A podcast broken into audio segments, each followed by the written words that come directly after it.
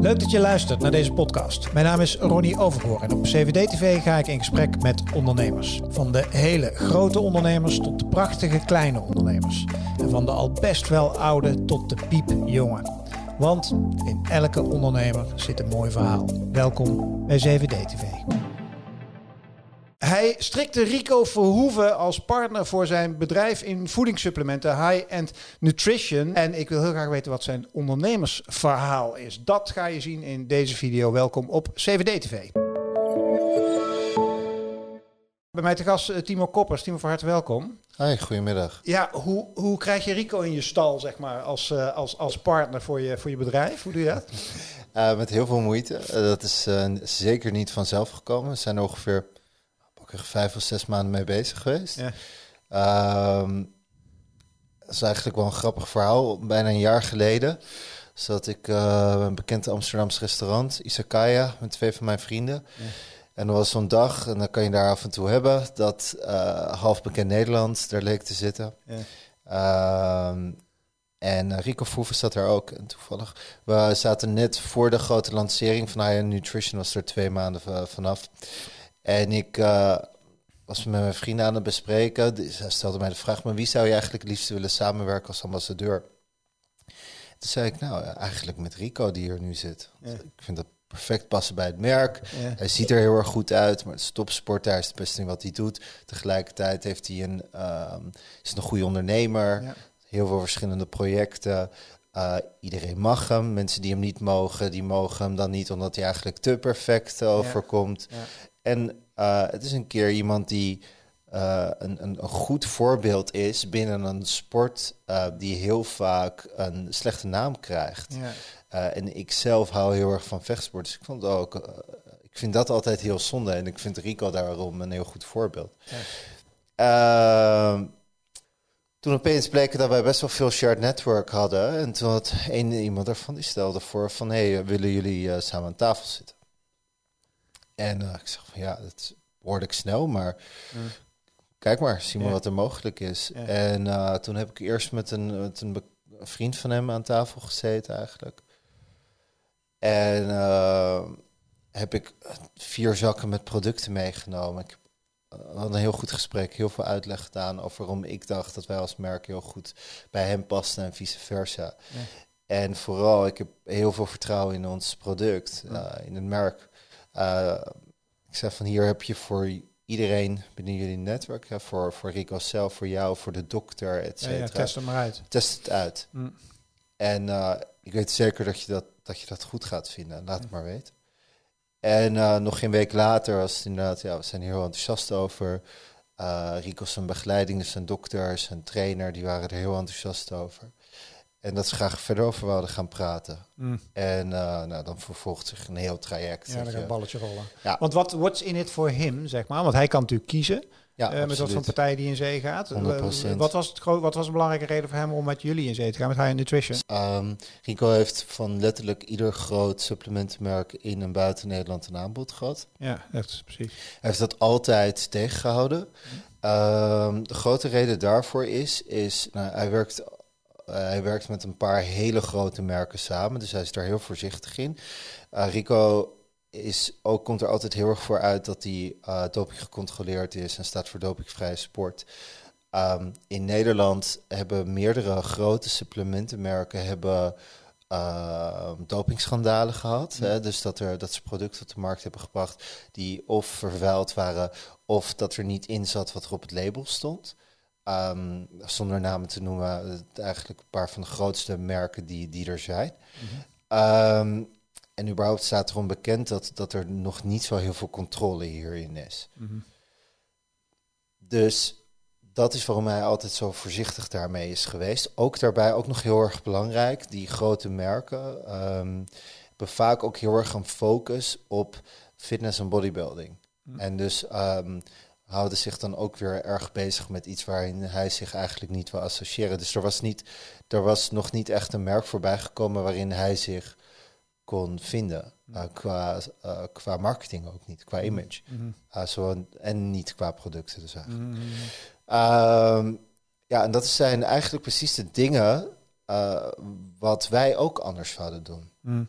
Ja, dus ik zag, pakweg twee jaar geleden nu, dat uh, ondanks dat dit een, een heel grote markt inmiddels is, hè, dat er heel veel supplementenmerken zijn, zeker in Nederland, um, de booming business, en dat er dus veel concurrentie is, zag ik um, dat er eigenlijk nog een heel groot gat zat in die markt voor een bedrijf dat ervoor koos om um, kwaliteit uh, van product en van productie, dat dat als startpunt te maken. De en, en dus de, de guts te hebben om even in plat Nederlands duur te zijn. Ja. Dus dat kan me voorstellen dat de consequentie is. Het is iets duurder, ja. maar het is niet zoveel duurder dan dat je misschien zou denken. Ja, ja. Um, dat valt eigenlijk nog best mee. Maar je hebt geen concessies gedaan aan kwaliteit en productie. Absoluut. Wat ik me afvraag, hè, zie jij voedingssupplementen als...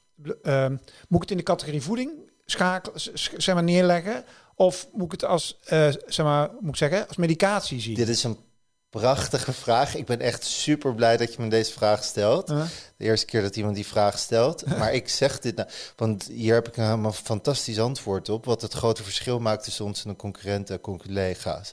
Oké, Nederland en Europa over het algemeen beschouwen voedingssupplementen als voeding. Vallen onder voedingswet. Ja. Dus dat betekent dat het wordt gezien onder dezelfde regels als bananen bijvoorbeeld. Ja, ja. Wat brengt dat met zich mee? Dat het niet precies hetzelfde is. Ja. dat de ene banaan niet de andere exact. is. Iedereen begrijpt, ik hoef je niet uit te leggen, ja. dat, eh, dat één banaan en een andere banaan niet precies hetzelfde kunnen zijn. Maar dat boeit dat één koekje, het, uh, ja. precies, een boot, twee boterhammen. Dus daar zit 20% afwijking in dat dat mag hebben. Hm. Um, en voor voeding klinkt dat eigenlijk niet eens als gek veel. En hè, dat is dat Hm. normaal, niemand vindt dat raar. Mm -hmm. Voor supplementen is dat eigenlijk wel raar. Ja. Als je daarover nadenkt. 20% bij iets dat hoog cafeïnehoudend is, Ja. of iets dat um, dus een proteïneproduct kan zijn voor mensen die willen afvallen, en dus dat er opeens 20% meer koolhydraten, calorieën of vetten in kan zitten, is opeens heel erg veel. Ja. Vind ik heel erg raar. Nou ja, of als je er heel professioneel mee wil omgaan. Want Ja, dan zijn dat absoluut. getallen, dat zijn Ja, je moet rekenen dus. Ja. eh, er staat op de verpakking 80 gram proteïne. Ja. Er zit 69 gram in. En het is oké. Ja. Terwijl niemand dat oké vindt. Wij produceren in België. Kiezen daar expres voor. België heeft de strengste eh, productienormen voor supplementen van de wereld. Ja. Ehm, daar worden supplementen behandeld als medicijnen. Ja, ja, precies. Valt onder de medicijnenwet. Eh, heeft 1% afwijking die je mag hebben. Ja, interessant. Ja, eigenlijk veel logischer, want Ja. eh, iedereen begrijpt dat een, bijvoorbeeld bij paracetamol al, maar laat staan bij zwaardere eh, medicijnen, Ja. dat, het niet, dat het totaal niet haalbaar is om er 20% afwijking bij te hebben. Ja, Je, dat moet één op één correct zijn. ja.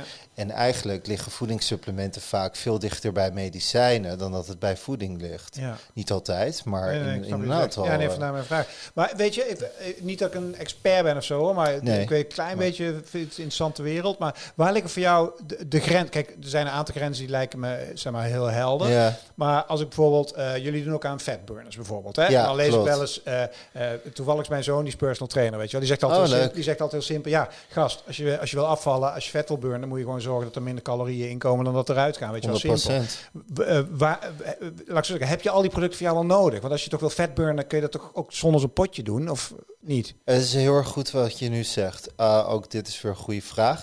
Uh, kijk, in principe al, niks van die dingen heb je per se nodig. Um, zoals dat je de meeste dingen in het leven eigenlijk niet echt nodig hebt. Mm. Het is er om het makkelijker te maken en om de resultaten sneller te behalen op een efficiëntere manier Mm. of op een leukere manier of um, in heel veel gevallen een haalbaardere manier. Um, ik focus mij bijvoorbeeld niet. Ik ben zelf, ik ben zelf ex, uh, professioneel bodybuilder eigenlijk. Maar ik focus me niet op bodybuilders. Dat is geen interessante markt. Ik zal je vertellen waarom. Um, Die, jongens. die doen, alle, die, doen er- die doen het ook allemaal anabolen. Nou, niet allemaal, want je hebt daar ook weer wel weer eh, gecontroleerde weer veel Zeg in. Tibor, in je jonge jaren. Ja. Heb, je, er- heb je er wel schuldig aan gemaakt of niet? Nou, nee, nee. Ik heb wel. Ik, kijk, je- ik heb wel allemaal supplementen gebruikt die, die inmiddels allemaal op die lijst staan. Bijvoorbeeld pre-workouts en Ja. fatburners die jij benoemde. Eh, er zijn er, je had bijvoorbeeld Noxy Pro, daar zat eh, iets in dat heette 1.3 dimetaline. Nou, dat blijkt, achteraf blijkt dat gewoon speed te zijn eigenlijk, een vertakte Je keten ging als een eh, jekko. amfetamine. je hebt allemaal, dus, dus uiteindelijk ja, absoluut. En zoveel van die sub- eh, sterkere supplementen die gespiked zijn. Ehm, Maar in jouw werk, zeg maar, als, je, als je jou als bodybuilder ziet, Ja. hè, en je wil zeg maar, zo groot en sterk zijn Ja. zoals jij nu bent, kan dat Ja. zonder voedingssupplementen? Of zeg van nee, die, dan heb je dat soort middelen gewoon nodig. dan maakt het wel eh, een stuk haalbaarder natuurlijk, ja. Eh, dan nog steeds, nou, wat dat wou ik eigenlijk zeggen. ehm, daar draait het wel echt voor 90% om het totaalpakket van voeding, training, slaap, alles wat erbij komt kijken. Die jongens die zijn zo dedicated op alles, dat die een heel groot gedeelte gewoon halen uit hun voeding. Um, en dan maken die supplementen zorgen ervoor dat ze die extra 10% kunnen gaan. Ja. Maar die hebben het echt nodig voor de extra prestaties en niet voor, ehm, hoe moet je dat zeggen? Niet om het haalbaar voor ze te maken. Ze zijn al- dedicated al- genoeg om, dat, om het gewoon te doen. Is mindset misschien wel het allerbelangrijkste Ja. waar je niet zonder kan? Ja, inderdaad, absoluut. Ik geloof in alles eigenlijk. Wanneer, wa- wanneer kwam het in jouw leven eigenlijk? Sport? Was jij als jonkie- Altijd. Ja? Ja, mijn vader die bracht me op heel jonge leeftijd naar judo toe. Eh, ik denk dat ik vier of vijf jaar oud was. Ehm, toen ben ik, eh, toen ik denk toen ik dertien was of zo, ben ik gaan boksen bij de Albert Kuip. Kuip in Amsterdam, bekende boksschool. En later, eh, ik denk dat ik 15 jaar oud was, dacht dat ik 15 jaar oud werd, ben ik naar de gym gegaan. Eh, ben ik begonnen met fitnessen en nooit meer gestopt. Dus dat is, eh, ik, ben, ik zat er eigenlijk al heel snel in een ritme. En leerde daar snel ook mensen binnen kennen. En ik ben ook heel snel in die wereld gaan werken. Ja. Dus eigenlijk, ik heb nooit iets gedaan buiten die wereld. Nee, dus wat heb je dan, zeg maar, je hebt zeg maar, op hoog niveau bodybuilding gedaan, maar Ja. ook personal training, wat heb je allemaal gedaan? Zeg maar, voor Goh, ik ben echt begonnen in, ehm, ehm, in een commerciële functie in een sportschool. Toen ik 17 of- of 18 jaar oud was, ben ik op een gegeven moment sales manager geworden. Dan gewoon überhaupt manager van, van eh, in die tijd de grootste sportschoolketen van Europa. Ehm, dan op een gegeven moment binnen een supplementenbedrijf eh, manager geworden. Eh, op dat moment zelf dus als sporter wat bekender geworden op social media ook. Onderneming opgestart als personal trainingsbedrijf en tegelijkertijd eh, mensen over de wereld gecoacht online. Ook voor wedstrijden bijvoorbeeld. Ook topsporters gecoacht in andere sporten. En eh, op datzelfde moment begon ik gesponsord te worden door andere supplementenmerken. Ja. Ik heb altijd heel veel interesse daarin gehad. Ja.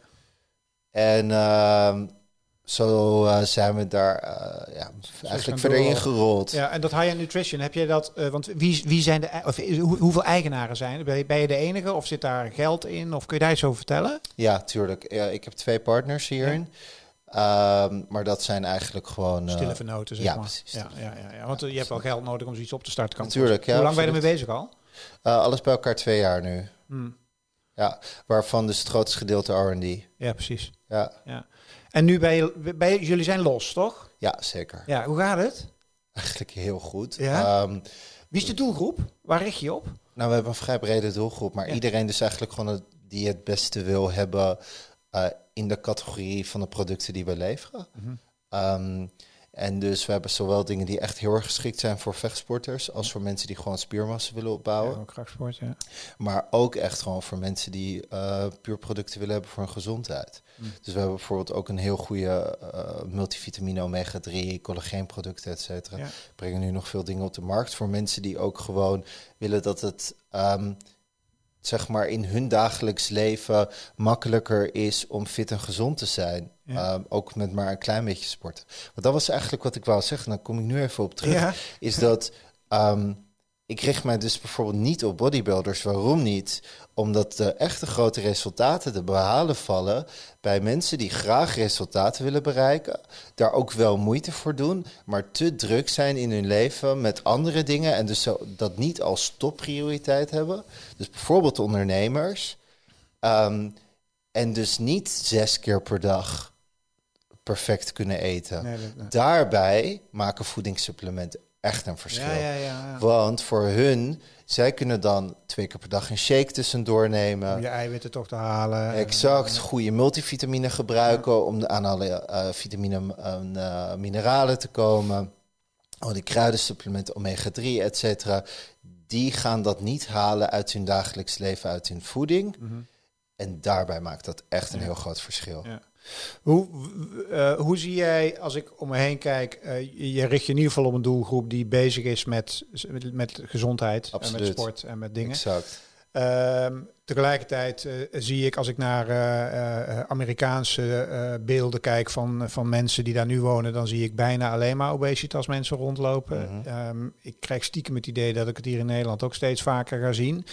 Um, hoe, hoe lossen we dat probleem op? Ja, niet dat het jouw business is, maar wat vind jij daarvan? Dat we zo slecht eten met z'n allen? Oké, nou, dat, is, echt een heel erg mooie vraag. Um, ik ben het half met je eens. Hm. Ik denk dat dit, dit wat jij nu schetst, het beeld dat jij schetst, een um, vertegenwoordiging is van een algemene tendens momenteel in alles.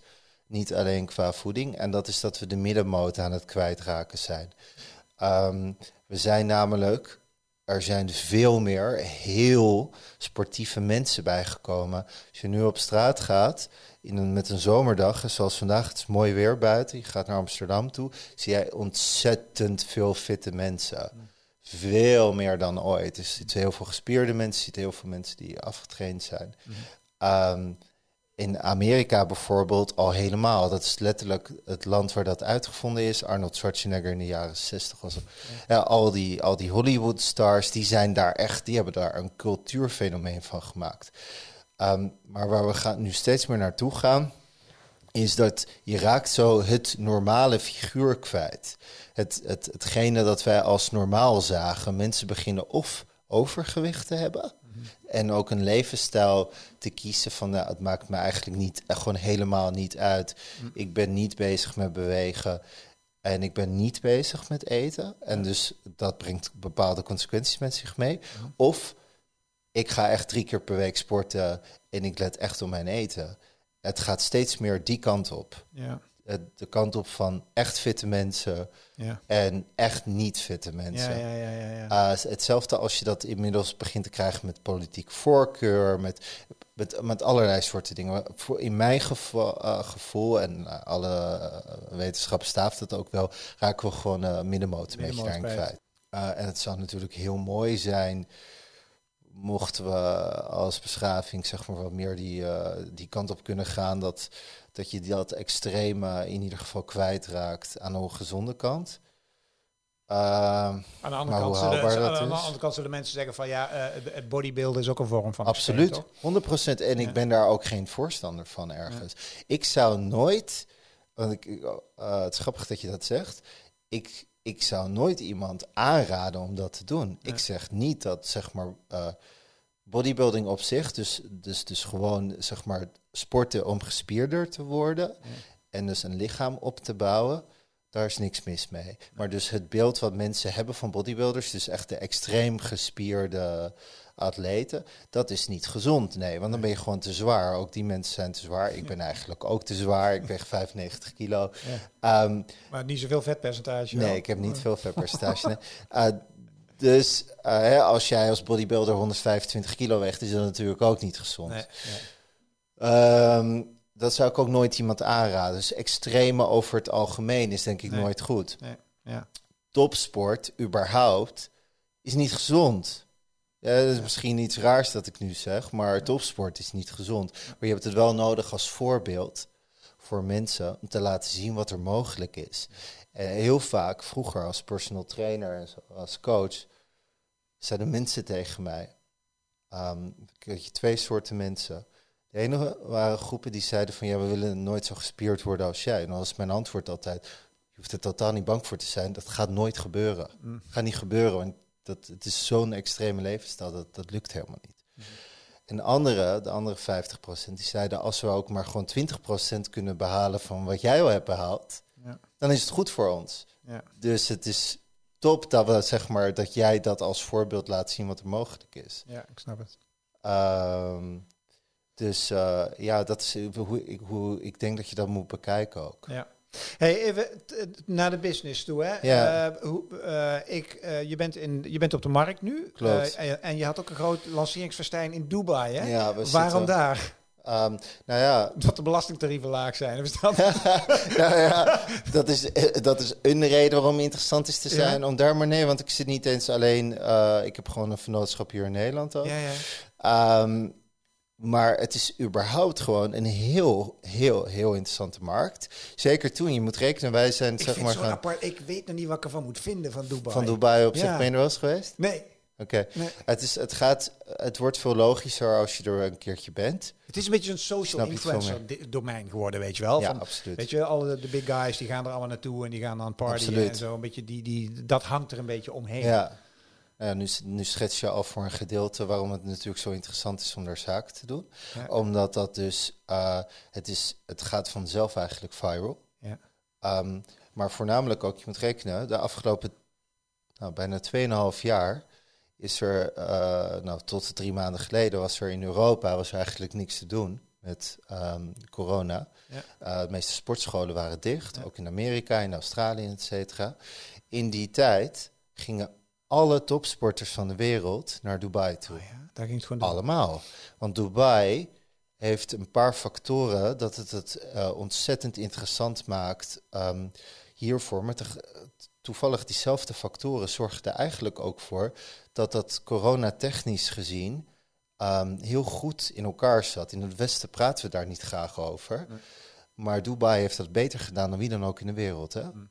Dubai is economisch keer twee gegaan in de tijd dat wij achteruit zijn gegaan. Hoe hebben ze dat voor elkaar gekregen? Gemiddelde leeftijd is 26, geloof ik, 26, 27. Het is er altijd warm. Dus mensen zijn er over het algemeen, je kan er lekker buiten zitten zonder problemen.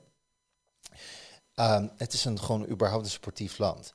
Dus de mensen die daar ook zijn, uh, als die corona kregen, worden ze niet zo extreem ziek. Daarbij hebben ze vanaf het begin af aan, hebben ze de regels die ze hebben geïntroduceerd, hebben ze tot aan het einde vastgehouden. Ze hebben niet heel strenge regels gehad, maar ze hebben er nooit in afgeweken. Dus vanaf het begin af aan mondmaskers, uh, vanaf het begin af aan met, uh, met handontsmetting werken. Je had in iedere hotel had je ontsmettingszuilen. Luchthavens waren ze extreem streng. Als jij vanuit een bijvoorbeeld België kwam, dan werd je hele vlucht werd onderzocht, allemaal extra coronatesten, et cetera, et cetera. Mm. En daardoor hebben ze dus een hub kunnen blijven creëren, van dat je daar naartoe kon blijven gaan en daar dus kon sporten. Alle gyms continu open geweest, alle winkels open geweest, et cetera. Alle topsporters zaten daar, hebben in die tijd super, alle influencers ook, super veel ontwikkeling verder gedaan. Uh, economie is alleen maar gaan boomen. En dus al die uh, sporters en influencers continu dat allemaal op social media gedeeld.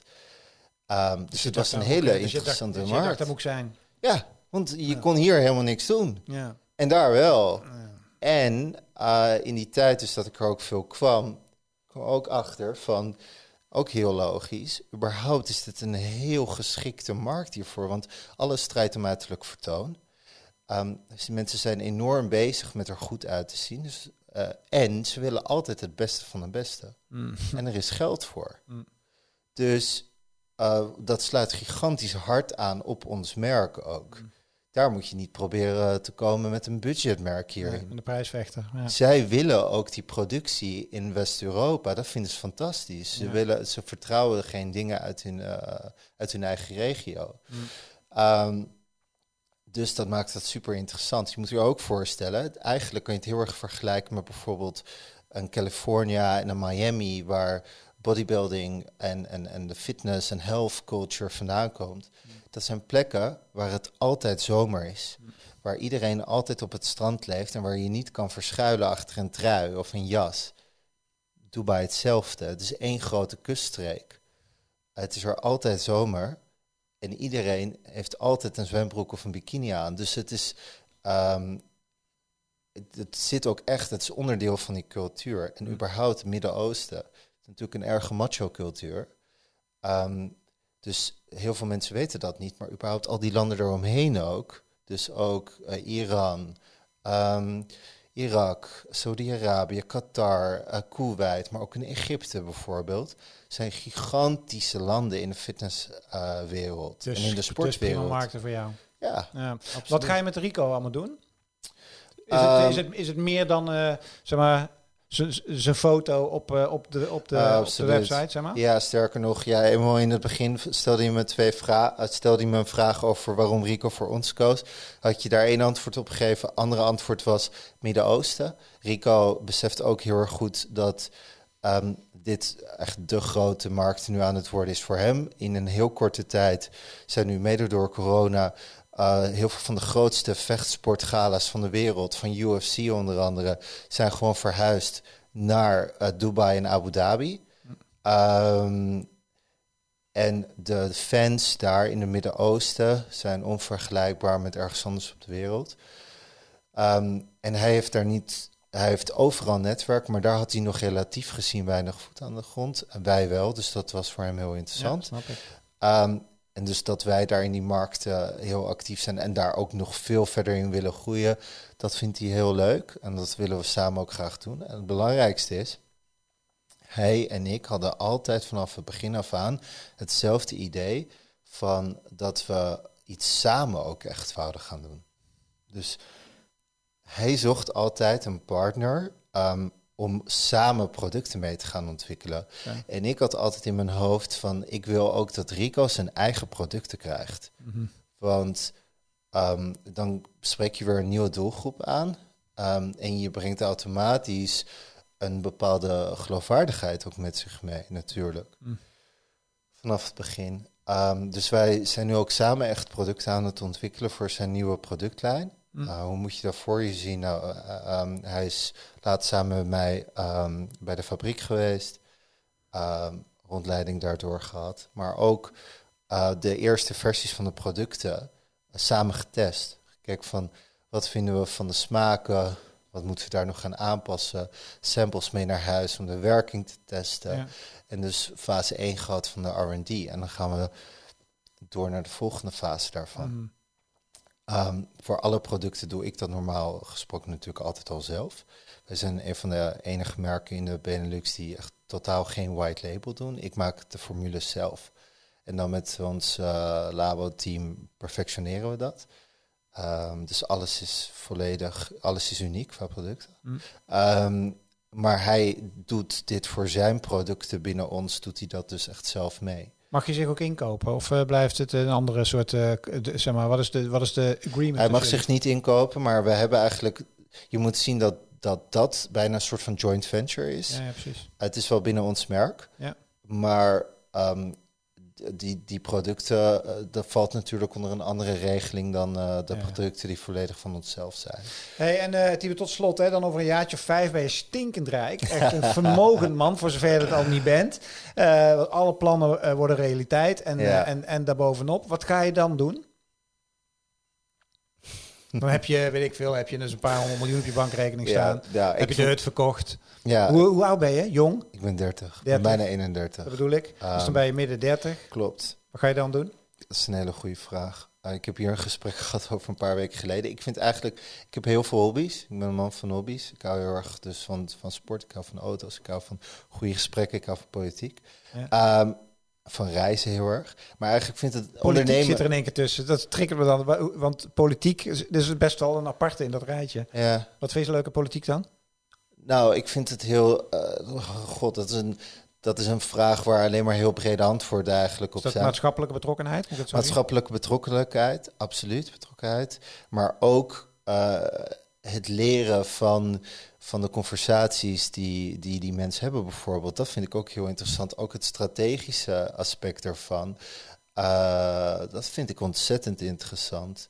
Uh, de verschillende soorten um, poppetjes, als het ware, daarin. En hoe die een, een, een, een, een in het kleine soort van beeld geven van de huidige uh, stand van de maatschappij. Dat vind ik echt heel interessant. Ja, Absoluut. Dus dat rijtje vind je allemaal interessant? Politiek, ja, auto's, maar ik vind ondernemen eigenlijk het leukste. Dus zelfs als ik 300 miljoen op de rekening zou hebben staan, zou ik niet uh, daarmee stoppen en um, daarin door blijven gaan. Ik ben tegelijkertijd nu ook uh, al bezig met andere dingen. High nutrition is niet het enige dat ik doe, is wel hetgene waar by far het meeste ingaat.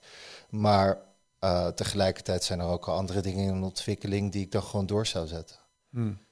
Uh, en zelfs als het echt niet meer zou hoeven, zou ik dat altijd blijven doen. Ja. Puur omdat ik het echt gewoon leuk vind. En nog tijd om te sporten?